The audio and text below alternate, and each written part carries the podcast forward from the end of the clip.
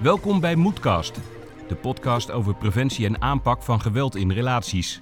Vandaag met Valerie van Peel. Valerie is een Vlaamse politica die zich met passie inzet op gebied van kindermishandeling en misbruik. Wat drijft haar? Wat is de boodschap van haar boek Overleven? Welk verschil heeft ze gemaakt en wat wil ze ons meegeven? Je staat er niet alleen voor. Presentatie Anita Wix en Maaike Brunekreef. Welkom bij Moedkast. En in deze aflevering hebben we een eh, hele gepassioneerde politica uit Vlaanderen te gast, uh, Valerie van Peel, aan de telefoon. Dag Valerie. Dag Maaike, dag Anita. Dag Valerie, welkom. Fijn dat je bij ons bent vanmiddag. Zeker. En uh, ja, we zijn uh, echt ook uh, ontzettend blij dat we jou als gast mogen ontvangen. Als, ja, laten we zeggen, aanjager, gepassioneerde professional in de aanpak en preventie van, van kindermishandeling in, het, in de breedste zin van het woord. Ja, dat klopt. En mooie beschrijving van jullie. En sowieso bedankt voor de uitnodiging. Maar het is een passie, maar ik denk dat we hem delen ook. Hè? Mm -hmm. Ja, we delen Dat zou wel. kunnen. Ja. ja. we hebben je boek gelezen. Daar willen we het echt heel ja. graag even met je over hebben. Ja. Overleven. Overleven. Je hebt een boek geschreven samen met uh, Meredith van Overloop, Anne de Fossé, als ik het goed uitspreek, en kinderpsychiater uh, Peter Adriaansens. Klopt. Over moed Klopt, en groei naar kindermishandeling en misbruik. Klopt, het is eigenlijk uh, een heel andere insteek, denk ik, dan heel veel van de boeken die we tot hiertoe hadden. Uh, en dat is ook heel bewust. Uh, er komen dertien lotgenoten in voor, van mm -hmm. alle leeftijden, alle achtergronden en alle vormen van kindermishandeling en kindermisbruik die je kan bedenken. En die beschrijven eigenlijk wat dat betekent als je dat in je jeugd hebt meegemaakt en hoe je leven er je dan verder uitziet. Maar ook eigenlijk de kracht en de groei die je kan vinden in een trauma dat je hebt meegemaakt. En, en waarom is dat? Uh, we noemen het ergens ook een beetje het boek dat we graag zelf eerder hadden gehad. Omdat ja. het de bedoeling is om aan andere lotgenoten eigenlijk een beetje hoop en kracht en taal te geven om erover te praten. Ja. Terwijl wij eigenlijk het gevoel hadden dat wij in heel ons proces vooral dingen te lezen kregen die ons een beetje in een uh, hokje plaatsten. Mhm. Mm -hmm. Zo, uh, het hokje van het slachtoffer waar het nooit meer goed mee kwam of het slachtoffer die zelf criminele feiten ging, ging, ging plegen. En, en, dat is iets waar wij allemaal van aanvoelden van, dat heeft ons eigen proces um, om eigenlijk uh, ja, te hele, heel hard um, vertraagd. Mm -hmm. Ik zeg ons proces omdat ik zelf ook een slachtoffer ben geweest van kindermisbruik in mijn jeugd. Mm -hmm. Ik heb uh, enkele jaren uh, kindermisbruik meegemaakt. Zo, Mhm. mm -hmm. oh, ik, ik, weet het niet exact hoor, maar ik gok rond mijn acht tot mijn tien jaar ongeveer. Mm -hmm. Um, en ja, dat is toch iets waar je van, van merkt. Ik ben nu 43, dat dat je wel op een bepaalde manier parten blijft spelen. Mm -hmm. uh, zelfs al is dat iets waar je onderuit bent geraakt op lange termijn en zelfs al heb je daarna een leven kunnen uitbouwen. Uh, maar evengoed kan dat ook uh, een, een, drijfveer zijn voor alles wat je vandaag doet. En dat is bij mij bijvoorbeeld zeker het geval, maar zeker ook bij de fantastische mensen die ook in het boek met naam en toenaam naar voren komen. Dus heel dappere mensen sowieso. Jazeker. En het zijn ook uh, allemaal fragmentjes van uh, een ja. ieder inderdaad uh, vanuit de diverse perspectieven. En dan geïllustreerd ja. met stukjes van, van de kinderpsychiater Peter Adriaansens. En wat ik Klopt. inderdaad ook mooi vind, wat je ook zegt, is eigenlijk een stukje herkenning, erkenning. En ehm, ja, ja dat, dat vind ik heel sterk. Ja, ik, ik vind ja het, dat is ook ja, zo belangrijk, hè? Ja, je, uh, sorry. Praat er ik doorheen. merk gewoon dat. Ja, sorry. Nee, ik merk gewoon waarom dat, dat heel belangrijk is, die erkenning is. Omdat ik gewoon weet dat er heel veel mensen tot op vandaag nog niet kunnen praten over wat hen overkomen is. En mm -hmm. ik heb zelf wel geleerd dat dat de eerste stap naar herstel is. Dus zolang jij niet de veiligheid voelt om, om je verhaal te delen, om, om echt uh, met iemand te praten over wat je overkomen is, kan je ook niet beginnen aan een, aan een traject naar heling. En dat is denk ik wat we ook wel willen bereiken. En we doen dat eigenlijk niet zo met de typische clickbait-verhalen van iedereen vertelt zijn erge verhaal van vroeger.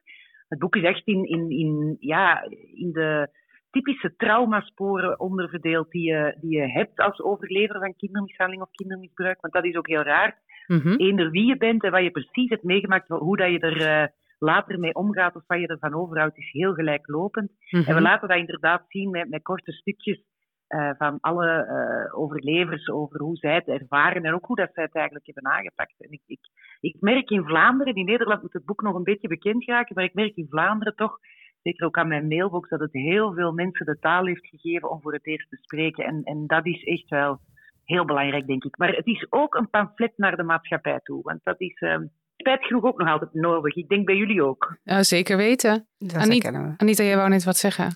Ja, dat ik het zo mooi vond dat in het boek ook echt staat: dit zijn echte verhalen en niet anoniem. Gewoon deze mensen vertellen met hun naam en toenaam. En dat vind ik zelf ook heel belangrijk. Je hoeft ja, de dingen niet te vertellen uh, anoniem, want het is gebeurd, het is nooit jouw schuld. En dat benoem je echt, ja, uh, dat benoemen jullie in het boek en dat vind ik mooi. Mm -hmm. Ja, want het is zo typisch. Hè? Je voelt je altijd uh, ja, schuldig. Je hebt ook een groot stuk schaamte. En dat heeft ook te maken met hoe dat de maatschappij naar jou kijkt natuurlijk. Dus dat willen we ook wel doorbreken door te laten zien. Hé, hey, hier zijn we allemaal. Wij zijn echt niet een of ander ehm, ja, groepje rariteiten. Nee of zo, hoor. Hè? We zijn mensen waar je mee samenleeft, maar waar je het vaak niet van weet. Exact. Hè? Ik denk dat we ook het cijfer noemen in het boek, um, en dat is in Nederland hetzelfde cijfer trouwens. Het overkomt 1 op 10 van onze kinderen. Hè. Dat, dat wil in Vlaanderen zeggen dat er 600.000 mensen met zo'n littekens rondlopen. Bij jullie zijn dat er nog een pak meer natuurlijk. Ja, en toch hoor je de, um, die cijfers. Soms, uh, ik heb altijd uh, in, aangeleerd gekregen één kind per schoolklas. Maar 1 op de 10 betekent twee kinderen per schoolklas. Ja, absoluut hoor. Ja. Absoluut. Ja. En dat zijn cijfers die heel geloofwaardig zijn. Waarom? Omdat dat is internationaal onderzoek, onder andere van Amnesty International. Ja. Maar waarbij men eigenlijk iets gaat navragen bij volwassenen. Ja. En zo krijg je natuurlijk een veel duidelijker cijfer uh, dan het dark number dat wij te zien krijgen in de cijfers uh, officieel, omdat de meeste van die kinderen blijven ongezien, hè, die het meemaken. Ongezien of ongeholpen, want dat komt in het boek ook heel hard naar voren. Um, heel vaak blijkt dat mensen, de omgeving, scholen en zo verder, wel op de hoogte zijn dat er dingen mislopen ja. thuis bij een kind. Maar vaak blijft die informatie um, ja, gewoon bij de persoon die het ziet en gebeurt mm -hmm. daar verder heel weinig mee. En ook mm -hmm. dat is natuurlijk wel een beetje de maatschappelijke uh, vraag in het boek van alle overlevers. Van stop daarmee, kijk niet weg. Hè. Laat ons nu allemaal onze verantwoordelijkheid nemen als we weten dat er met onze kinderen iets gebeurt. En dat begint met het besef dat we het er allemaal kennen, dat, we het allemaal, uh, in ons, uh, dat het in ieder zijn omgeving eigenlijk gebeurt. En dat we ook allemaal mensen kennen die het hebben meegemaakt en die een bepaalde steun of een bepaalde uh, dosis begrip nog wel kunnen gebruiken. Hè? Daar begint het mee natuurlijk. Ja, dat is heel mm -hmm. mooi dat je dat zegt. Want als Mike en ik onze achter de voordeur sessie doen, mm -hmm. dan uh, gebruiken we daar ook ons achter de voordeur spel in. Mm -hmm. het is een, we noemen het ja. spel, maar het is natuurlijk veel meer dan een spel. En daarin hebben we een onderwatervraag, zo noemen we hem dan. Dat we heel anoniem aan iedereen in ons uh, publiek, in zaal, of dat nou bij rechters is, advocaten, noem maar op, elke doelgroep, de vraag stellen uh, of ze zelf in hun jeugd of nu te maken hebben gehad met onveiligheid. Ja. En die kunnen ze dan op een ja. an anonieme manier beantwoorden. En na uh, de sessie, en dan heb ik natuurlijk ook wel mijn ervaringsverhaal gedeeld. Dus dan stel ik me ook heel kwetsbaar op. Dat, ja, helpt, dat, dat, helpt altijd wel. Maar na de sessie, dan kunnen we dus echt zichtbaar maken hoeveel ja. mensen en er bij de deelnemers hiermee te maken hebben gehad. En ja, ik vind het nog steeds, hou je vast, dat is altijd meer dan de helft. Ja, Waar we dat ook doen. Nee. Nee, ja. nee, nee, wij niet, maar ik denk heel ja, veel. Het goed dat je het blijft zeggen. Ja. ik verschiet er niet van en toch tijd nee. dat niemand er nog van verschiet. Hè? Ja, ja dat, dat, is, uh... dat zou een hele mooie, mooie missie en taak zijn. Dat mensen niet meer denken, ja, dat huiselijk geweld, ja, dat is achterstandswijken. Dat is die man die die, ja, domme, die domme vrouw slaat. Want ja, waarom die ja. slagen niet? Of kinderen die er niet Klopt. over praten wil. Ja, dat, zou, uh, dat is een mooi doel. Misschien al kunnen... die clichés, hè? Ja, ja al die clichés. clichés. Of bijvoorbeeld, um, ja, is het wel altijd waar? Hè? Dat is ook ja. zoiets dat je ja. blijft terugkomen. Uh, vaak ook omdat slachtoffers, en zeker bij kindermishandeling is dat zo, uh, jaren zwijgen voordat ze met, als er al mee naar buiten komen, voordat ze mee naar buiten komen. En dat mensen dan denken, ja, moest het waar zijn, had je wel eerder gesproken. Terwijl dat is natuurlijk net heel eigen aan hetgeen je meemaakt. Hè. Je wordt ook gemanipuleerd door exact. een dader, je wordt afgedreigd. Exact. Je wordt, Geloof slachtoffers. Geloof ja, slachtoffers. Ja. En, ja, zo belangrijk. Absoluut, inderdaad. Nou, inderdaad. Um, en een hele, hele, hele diepe buiging voor jou en een hele grote pluim. Want uh, op dit onderwerp heb jij je heel sterk gemaakt. Ik begreep dat jij een wet um, hebt uh, voorgesteld en die is ook aangenomen in Vlaanderen. Dat misbruik niet kan verjaren. Klopt dat? Ja, dat klopt. Dat is in 2019 geweest. Dat was eigenlijk um, samen met een uh, politicus um, bij ons van een heel andere partij. Dus uh, partij over, over, overschrijdend. Hè. Dan kan je nog eens iets bereiken. Mooi. Um, wij hebben dat jaren geprobeerd, er is nooit een meerderheid voor geweest, maar op een bepaald moment is het ons gelukt. Dus bij ons in België, ik weet niet hoe het bij jullie is, maar kan kindermisbruik niet meer verjaren. En ik vond dat toch wel belangrijk, omdat wij ook onder andere de zaak van Geluwe hebben gehad. Dat was mijn bischop hier, mm waar er eigenlijk uh, voldoende bewijzen waren, maar nooit een straf is uitgesproken omdat alles verjaard was. En, dat heeft uh, toen bij ons ook wel heel wat uitgelokt, terecht denk ik. Ja, en toen is ook de discussie nog eens gestart over ja, dat, dat slachtoffers gemiddeld 40 jaar zwijgen en vaak hun leven lang. Hè. Mhm. Ik heb um, zelf als politica uh, getuigd over mijn eigen misbruik, ik denk ja, ondertussen al zeven jaar geleden. Mhm. En um, ik herinner me nog dat ik die avond daarna, dus de avond nadat ik dat tv had gedaan, moest ik er eens gaan spreken over een heel ander onderwerp. En ik kon daarna maar tien minuten blijven, want ik, had, ik was eigenlijk doodkapot van de hele... De impact. Ja, alles wat er, ja, ja, de impact dat dat had gehad. Mhm. Maar in die tien minuten kwamen dus uh, een stuk of zeven mensen van eigenlijk een kleine groep kwamen met mij spreken en kwamen voor het eerst zo hun verhaal vertellen. En dat waren veelal uh, mannen, oudere mannen, die daar dan samen met een vrouw voor mij stonden, zo'n mannetje van 70, die daar wat bibberend zijn verhaal kwam vertellen en die er dan aan toevoegde dat dat de eerste keer was dat hij mhm. dat vertelde. Dus ik heb toen ook gewoon gemerkt dat wat ik zelf al, al dacht, omdat ik mhm. heel veel mensen rondom mij had die mij uh, hun verhaal vertelden dat dat veilig leek omdat ik het kende, maar het dan met niemand anders deelde. Mhm. Ja, ik heb toen gewoon gemerkt dat is zo, zo algemeen verspreid dat kan je niet meer. Allee, daar moet je iets aan doen. Dan moet je, aan die klepel moet je trekken, zodat mensen echt het gevoel krijgen dat ze die ruimte wel krijgen. Want dat is zo belangrijk. Ja. En, en ja, dat mag zeker geen reden zijn om mensen niet te geloven, sowieso. Nee, dat, en dat dus vuur, dat, vuur is zo. Geworden, ja. ja, en dat, is, dat vuur is zo voelbaar bij jou. Hmm. En uh, ja. ja, je, je voelt ja, het echt. dat zal er altijd wel blijven. Ja. Maar dat herkennen jullie wel, denk ik. Hè? Ja, dat is, uh, dat is passie of zo, toch? Echt, ja. ja. En, en missie. Ja, dat, dat, ja, de drang ook om van iets heel negatiefs iets positiefs te maken, mhm. denk ik. Hè? Om voor jezelf ook een stukje te helen, zo. Mhm. Ja, dat denk ik. Mhm. ik. Ik weet, een, een uitspraak van jou vond ik heel mooi. Dat het je missie is als je talent gebruikt om het verschil te maken. Dat heb je ooit gezegd, toch? Ja, ja. Ja, ik denk dat dat ook belangrijk is. Ja, dat uh, vond ik eigenlijk wel heel mooi, want zo, zo, zo voelen wij dat ook. Het is iets wat wij in onze samenwerking allebei heel goed kunnen. Maaike Andering dan ik, en onze samenwerking. En dat we dat echt inzetten om het verschil te maken. nou, nou ben je ook nog in de moedkast, in gesprek met verschilmakers. Dus je bent hier helemaal op zijn plek. Ah, maar dat is inderdaad de, de, de groei die je uit een trauma kan halen. Hè. Het gaat, allee, ja, vaak ligt je grootste talent vlak naast je wonden, eh, hoorde ik eens iemand zeggen. En, ik denk dat dat wel klopt. En als je dat leert gebruiken, dan, dan, ja, dan leer je ook iets negatiefs een beetje ombuigen. Ik denk inderdaad dat jullie dat doen. Ik heb dat als politica ook altijd proberen doen. En ik uh, ben ondertussen heel veel mensen tegengekomen die net hetzelfde doen. Dus uh, er is wel wat groei in te halen. En dus we moeten een beetje af van uh, het grote negatieve verhaal. Daarmee wil ik zeggen dat je die uh, problematieken niet moet minimaliseren. Hè. Uh, laat, ons, laat ons het taboe wel doorbreken, maar zonder de erg, allez, de, de, de, ja, de verschrikkelijke feiten niet te gaan ontkennen. Maar laat ons wel proberen om niet veroordelend of oordelend naar mensen te kijken die het hebben meegemaakt. En dat doen we ergens onbewust wel. We denken altijd, er zal nu wel iets mis mee zijn. Daar kan je bijvoorbeeld niet meer mee werken, of die kan je niet meer op rekenen, of die gaat afhaken, of die gaat dit of die gaat dat. Um, of die doet misschien zelf dingen, of die gaat in de psychiatrie behandelen. Allee, we hebben daar allemaal heel veel vooroordelen over. En ik denk dat het feit dat je uh, dat slachtofferschap opgekleefd krijgt vanaf dat je met je verhaal naar buiten komt, mm ook heel veel mensen tegenhoudt om te spreken. En het is gewoon fout. Mhm. Want er zijn zoveel mensen die het meemaken. Je kind er, waar je het niet van weet. Mhm. En die heel sterk in de schoenen staan. Mm Ondanks het feit dat een dag doorkomen voor zo'n mensen 50% moeilijker is dan voor een ander. dat, mhm. is, dat, is, gewoon zo. Ja. Uh, en nou, dus hier zit, dat we, hier zit de kracht in. het boek hebben kunnen steken. Ja, oh, zeker. En ook door er hier nu over te praten. En ja, dit, dat is dus de kunst om uh, je, je littekens te erkennen. Maar ook tegelijkertijd ja. nieuw, nieuwe perspectieven uh, te durven creëren. En ook daardoor de deuren weer te openen voor de rest, voor anderen. Ja, ja voilà. Voilà. Mhm. Dat we niet allemaal ergens in een hoekje moeten gaan zitten. Hè? Nee, precies. Eigenlijk dat we de daders niet laten winnen, zeg ik vaak. Want daar gaat dat ook een beetje op. Hè? Ja, ik, ik heb een hele mooie uitspraak gehoord. Het was volgens mij van Karin Bloemen die dat uh, heeft gezegd. Als je zwijgt, bescherm je de pleger of dader. Maar als je spreekt, bescherm je jezelf. Dat is ook waar het over gaat. Ja. Ja, ja, dat klopt natuurlijk wel.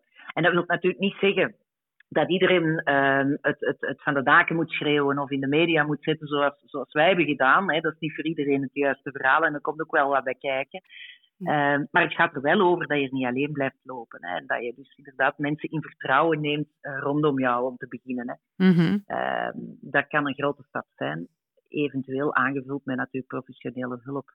Maar dat is zelfs niet voor iedereen in mijn boek het geval geweest. Dus, dus ieder zoekt ook zijn eigen weg, denk ik. Ja, zeker. En het zijn ook, um, als ik ook kijk naar hele, naar trauma, dat, dat is een hele lange weg. En het eh, zijn een, vaak uh, een aantal stapjes vooruit en uh, weer een paar Ja, flink- flinke stappen achteruit. En dat Ja, hoort er allemaal bij. ja. Dat hoort erbij. Ja.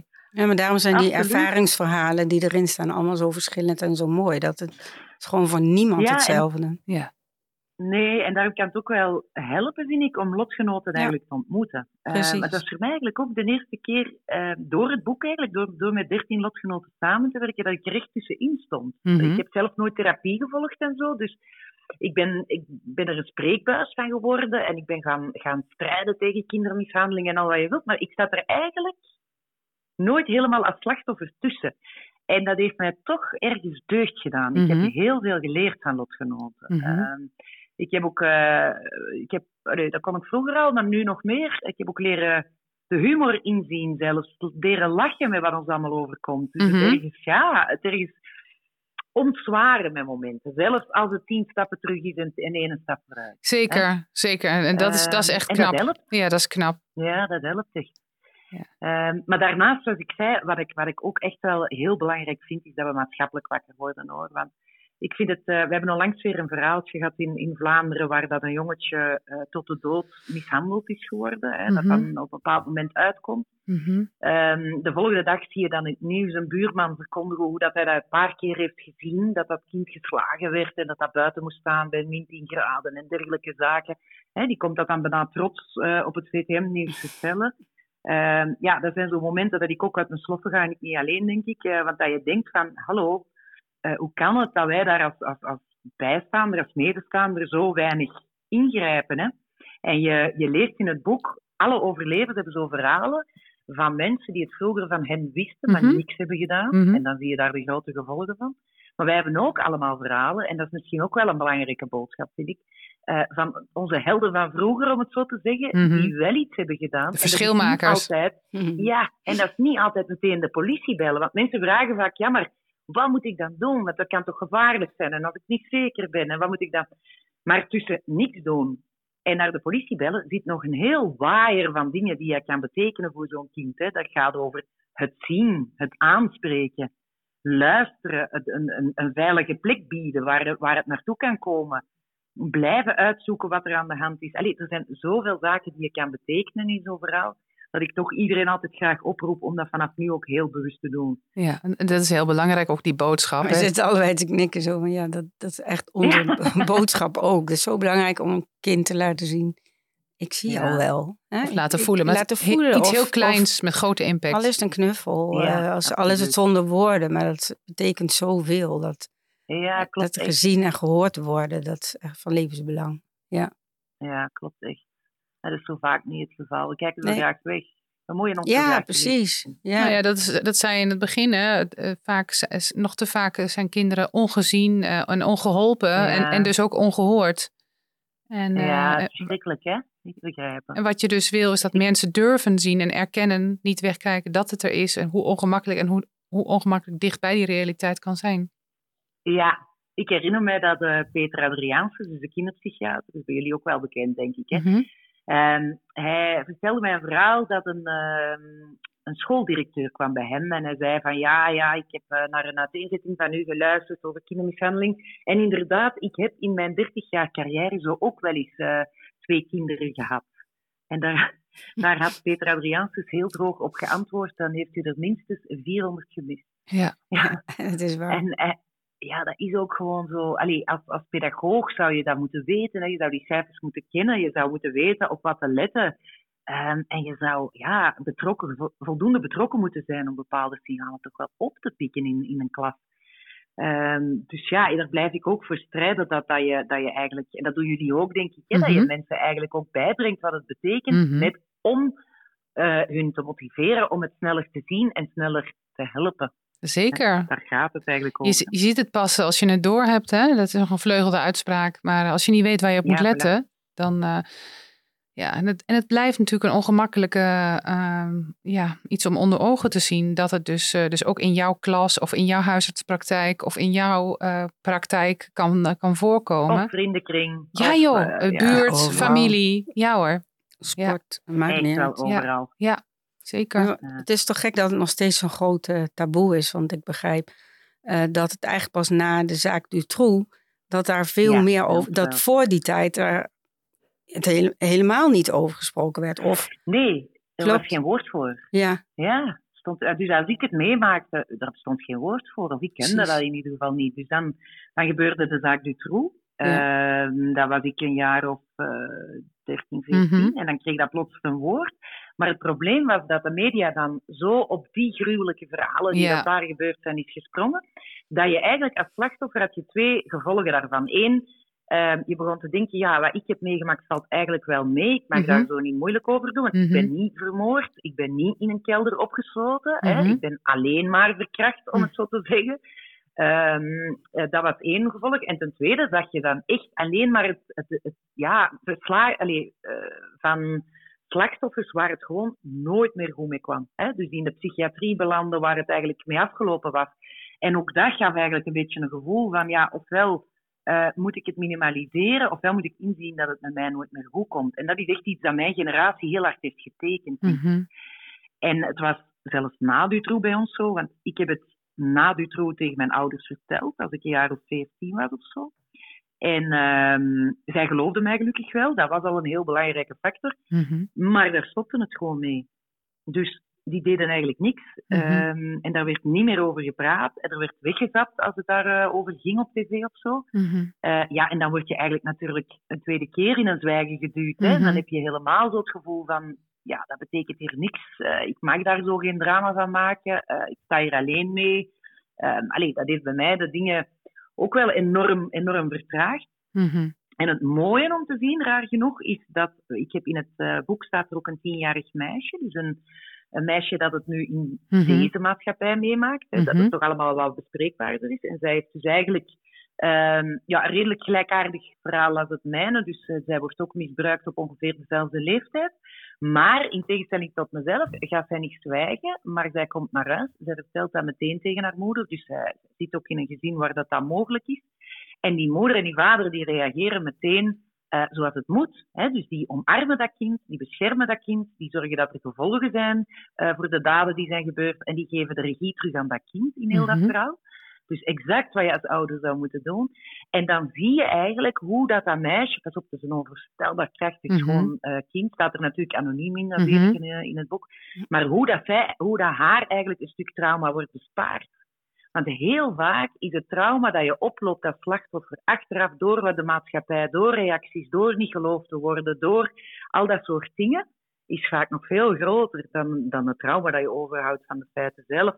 Dus ook daarom is het zo belangrijk dat we maatschappelijk wakker worden, omdat je eigenlijk slachtoffers nog heel wat trauma kan ontnemen als je van in het begin daar juist op reageert. En daar is zij een heel mooi voorbeeld Prachtig. van. Ja, zeker. Ja, dat is, uh, dat was voor mezelf ook wel heel... Uh, ja, dat kwam wel binnen. Ja, snap ik. Ja, ja. Haar dat, dat, gun je, dat gun je uh, een ieder in deze situatie. Ja, voilà, ja. Dat, ja. Uh, dat hoop je inderdaad, hè, dat je daarmee het verschil in kan maken. Want ik ben ervan overtuigd, het heeft altijd bestaan. Hè. Je zal het nooit helemaal de wereld uitkrijgen. Mm -hmm. Maar het zou volgens mij wel een pak minder kunnen uh, langdurig bestaan als mensen het, het, sneller zouden melden. En het zou in ieder geval heel wat minder traumatisch moeten zijn op lange termijn als mensen ook juist reageren. Dat mm -hmm. Mhm. is het wel.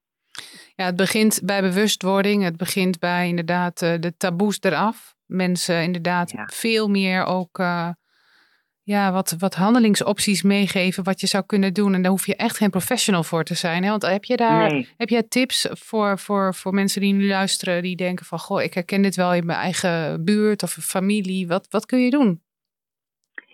Ja, als je het in je eigen buurt of familie, om, allez, het ten eerste naar het kind toe gaat het echt overzien. En dat wil zeggen dat je een kind aanspreekt. Uh, dat je een kind echt laat voelen van, jij kan bij mij terecht met je verhaal. Of ik zie zelfs gewoon dat er een verhaal is. Zo hoeft dat, want zo'n kind zal niet meteen reageren en alles vertellen. Maar geef dat die veilige plek dat dat, waarbinnen dat wel zou kunnen gebeuren. En zeg dat je zelf al dingen opmerkt. Hè, dat is één ding. Um, als het echt over situaties gaat die je zelf ook die je buikgevoel schrik aanjagen, ja, dan is het natuurlijk ook een zaak van, van de diensten te bellen. Mm -hmm. Wij hebben daar een nummer voor in Vlaanderen, dat is 1712, maar jullie zullen dat ook wel hebben. 0800 um, 2000.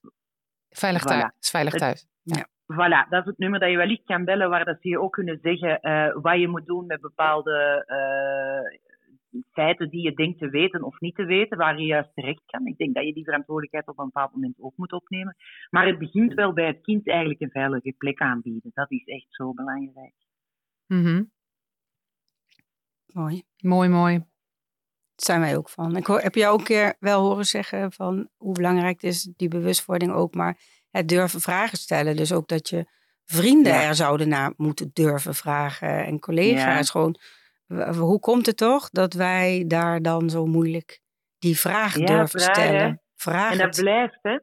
Ja. Want natuurlijk, um, het gaat ook over eens durven luisteren naar iemand die over zijn verleden spreekt. Hè?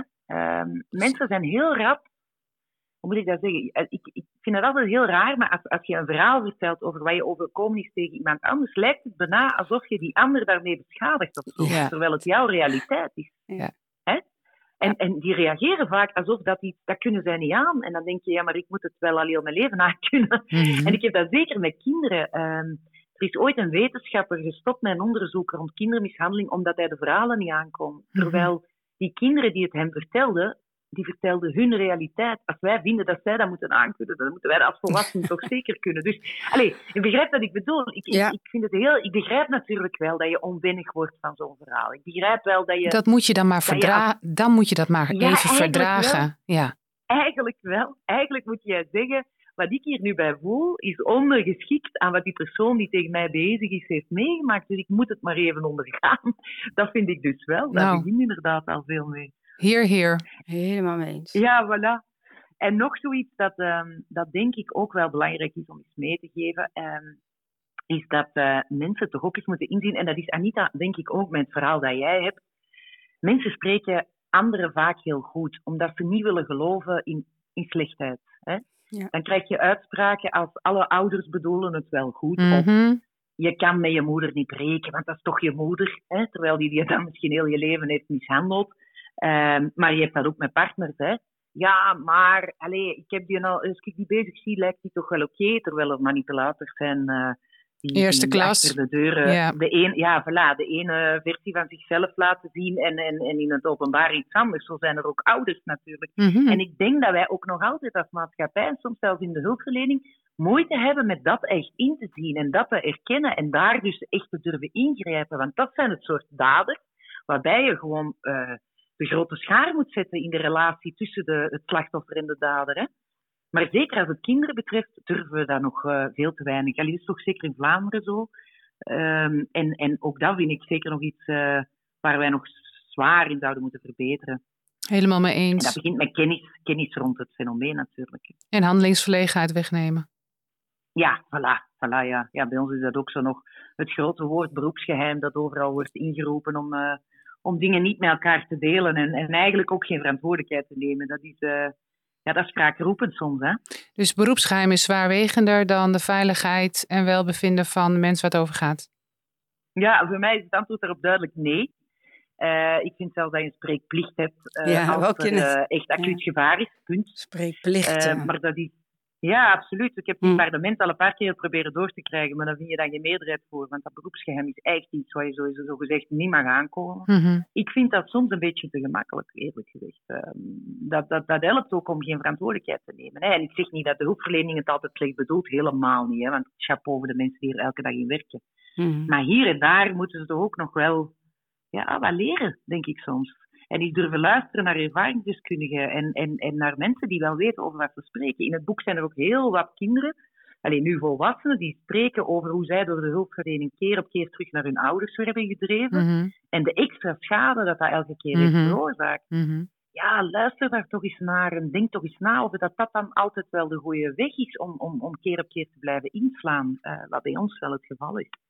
Ja, de, ja, er is nog in die zin nog een hele wereld te, te winnen. Ook als het gaat over kennis over, rondom dwingende controle bijvoorbeeld. Waarbij bij in de eerste instantie niet echt uh, het gaat over letsel. Maar wel echt over ja, voilà, heel, er, heel ernstig eenzijdig uh, instrumenteel uh, geweld. Voornamelijk psychologisch. En, voilà. En dan stigma van. ook op kinderen gebeurt. Hè? Zeker. Oh, zeker. zeker. Ja, daar, ja. Zonder te slagen, maar alleen, dat kan even schadelijk zijn. Hè? Absoluut. Hè? Misschien nog wel schadelijker, denk ik. Dat je, ja, zou kunnen. Als dat zo lang gebeurt, maar ik, en ik noem het de onzichtbare afstandbediening, zelfs op afstand, als de pleger er niet is, dan voel je nog genoodzaakt om dingen te doen, omdat je niet weet wat de consequentie is als je het niet doet. Ja, voilà, dus zelfs als heel iemand... erg tekenend, ja. hè? Ja. Dus, dus als je dat meemaakt vanaf je jeugd, vanaf je ja. kindertijd, ja, dan, dan, dan kom je daar uh, mee, ja, heel beschadigd uit, natuurlijk. En inderdaad, dan zie je geen blauwe plekken. Dan, uh, dat klopt nog ingewikkelder. Daar, daar, zijn ook voorbeelden van in het boek. Dus ik denk inderdaad, we moeten mensen nog echt wakker krijgen voor wat het allemaal kan betekenen, wat de gevolgen zijn en, en, en wat je kan doen, inderdaad. Dat, uh, laat dat een levenslange strijd zijn voor ons allemaal. Ja, is het een strijd? Ik, vind, ik wil eerst van het woord strijd af. Ah, ik voel soms ook toch. Soort het, ja, ik snap het hoor. Ik, ja. Uh, het voelt bij mij wel als een soort van... Uh, ja, wat is het, een uh, lange marathon of zo? In mijn geval niet al te snel, maar... Ja, oké, okay, dat klopt. ja. Dat klopt. Maar ik, ja, misschien noem ik het een strijd, omdat ik het vooral in de politieke context... Ja, uh, ja ik zat zo op de, op de, juiste knoppen, want ik ga als politieker uh, stoppen volgend jaar. Eigenlijk een beetje, we, we, omdat ik zo gedesillusioneerd ben na 15 jaar. Hm. Onder andere in het feit dat... Um, stappen zetten in de betere aanpak van kinderbescherming toch nog altijd een politiek spel blijft en daardoor wordt gedwarsboomd. Mm -hmm. Dus mhm. daar, op dat vlak is het een strijd geweest voor mij, als je begrijpt wat ik bedoel. Word je dan, word je dan, um, word je dan nog vuriger van? Oh, kwaad. Ja, ja, hè? ja, ik heb natuurlijk ook mijn triggers. Hè. Um, en dat is er een. Onmacht, um, onmacht mm -hmm. is een enorme trigger bij mij. Uh, of uh, onrechtvaardigheid ten opzichte van iemand anders. Dus als ik, als ik uh, om bepaalde dossiers heb gestreden en als daar op bepaalde momenten echt, echt niet naar geluisterd is geweest en niet omdat er inhoudelijk iets van discussie was, maar wel om politieke reden, mm -hmm. ja, dan, dan, dan ontplof ik gewoon. Ja, snap ja, ik. Ja. Je kunt beter je energie, energie toch een heel klein beetje bewaren, want uh, de weg is nog lang, Valerie, en we hebben je ja. echt nodig. we hebben je nodig, dus hou die batterij toch een beetje gevuld, hè? Ja, we zoeken gewoon een andere manier om, het, uh, om ermee door te gaan. Voilà. Ja, en zelfzorg, anders hou je het niet lang uit. Ja, dat heb ik ook moeten leren. Ja, ja absoluut. Hoe doe jij dat? Ja. ja. Goh, ik ben het nog aan het leren, maar mijn belangrijkste factor is toch met een hond. Ja, je hond. ja, ik had gehoord dat je dit gedaan. Dat is raar, hè? Dat heeft je goed gedaan, hè, die hond. Een beetje strak. Ja, die hond die doet alles. Die hond laat jou uit. Ja, ja, die, ja eigenlijk wel. Ja. ja die, die aardt mij vooral. Die, mm -hmm. uh, de, ik had als kind ook honden en, en dat waren de enige waar ik eigenlijk uh, mee praten ook. Dus, dus misschien is dat daar nog zelfs wel op terug te brengen. Maar ik heb dan ook een hond, uh, dat is een mishandeld beestje uit Portugal. Dus ja. die heeft zelf van alles meegemaakt. Ja. En die is bij mij toegekomen, was vier, vijf jaar, zwaar mishandeld, heel angstig. En na een, alle, na een half jaar zag ik die helemaal veranderen. Die, die vertrouwde terug, die gooide dat van zich af. En nu is dat de gelukkigste hond ter wereld. En dan denk ik, als ik daarna zit te kijken, daar kan ik toch nog iets van leren. Zo. Mm, mooi. ik denk van, ja. zo fijn dat hij dat volledig afgooit en zich nu veilig voelt. En gewoon dat denkt, is het, hè? Is het. Kan zichzelf ja. zijn. Ah, mooi. Ja, mooi. dat ben ik zelf nog niet, maar ik probeer het van hem te leren. Ja. Voilà. Twee stappen vooruit en een klein stapje terug, maar voilà. uh, we gaan gewoon door.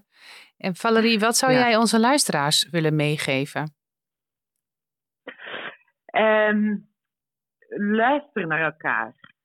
Mm -hmm. Laat iemand zijn verhaal vertellen. En, en probeer te begrijpen dat iemand zijn verhaal, wat dat verhaal ook is, uit zijn jeugd of uit latere momenten, dat dat maakt wie die persoon is. En dat je daar uh, heel wat begrip, maar ook bewondering voor kan mm -hmm. vinden. Want dat dat uh, zich meestal uit in uh, schade, maar ook in kracht. Ja. Ik denk dat dat belangrijk is voor ons allemaal om zo naar elkaar te kijken. Luister, verdraag, verwonder. Ja. Ja. Mm, voilà. Dat is mooi. En maak het verschil. Absoluut. Ja, dat doe je absoluut. Dat proberen we met elkaar te doen. Ja, maar dan ook echt. Ja, voilà. Ja. Daar hebben we elkaar voor nodig, hè? Ja, ja dat kunnen we niet alleen. Dankjewel, Valerie. Heel graag gedaan. En heel erg bedankt voor de uitnodiging. En wellicht tot de volgende keer. Ja, zeker. Heel Met, graag met, een Vlaam, eh, met een Vlaams vriendje erbij? Ja, laten we dat doen. Komen we jouw kant op. Mooi. Goed idee. Dankjewel Goed idee. voor dit fijne gesprek.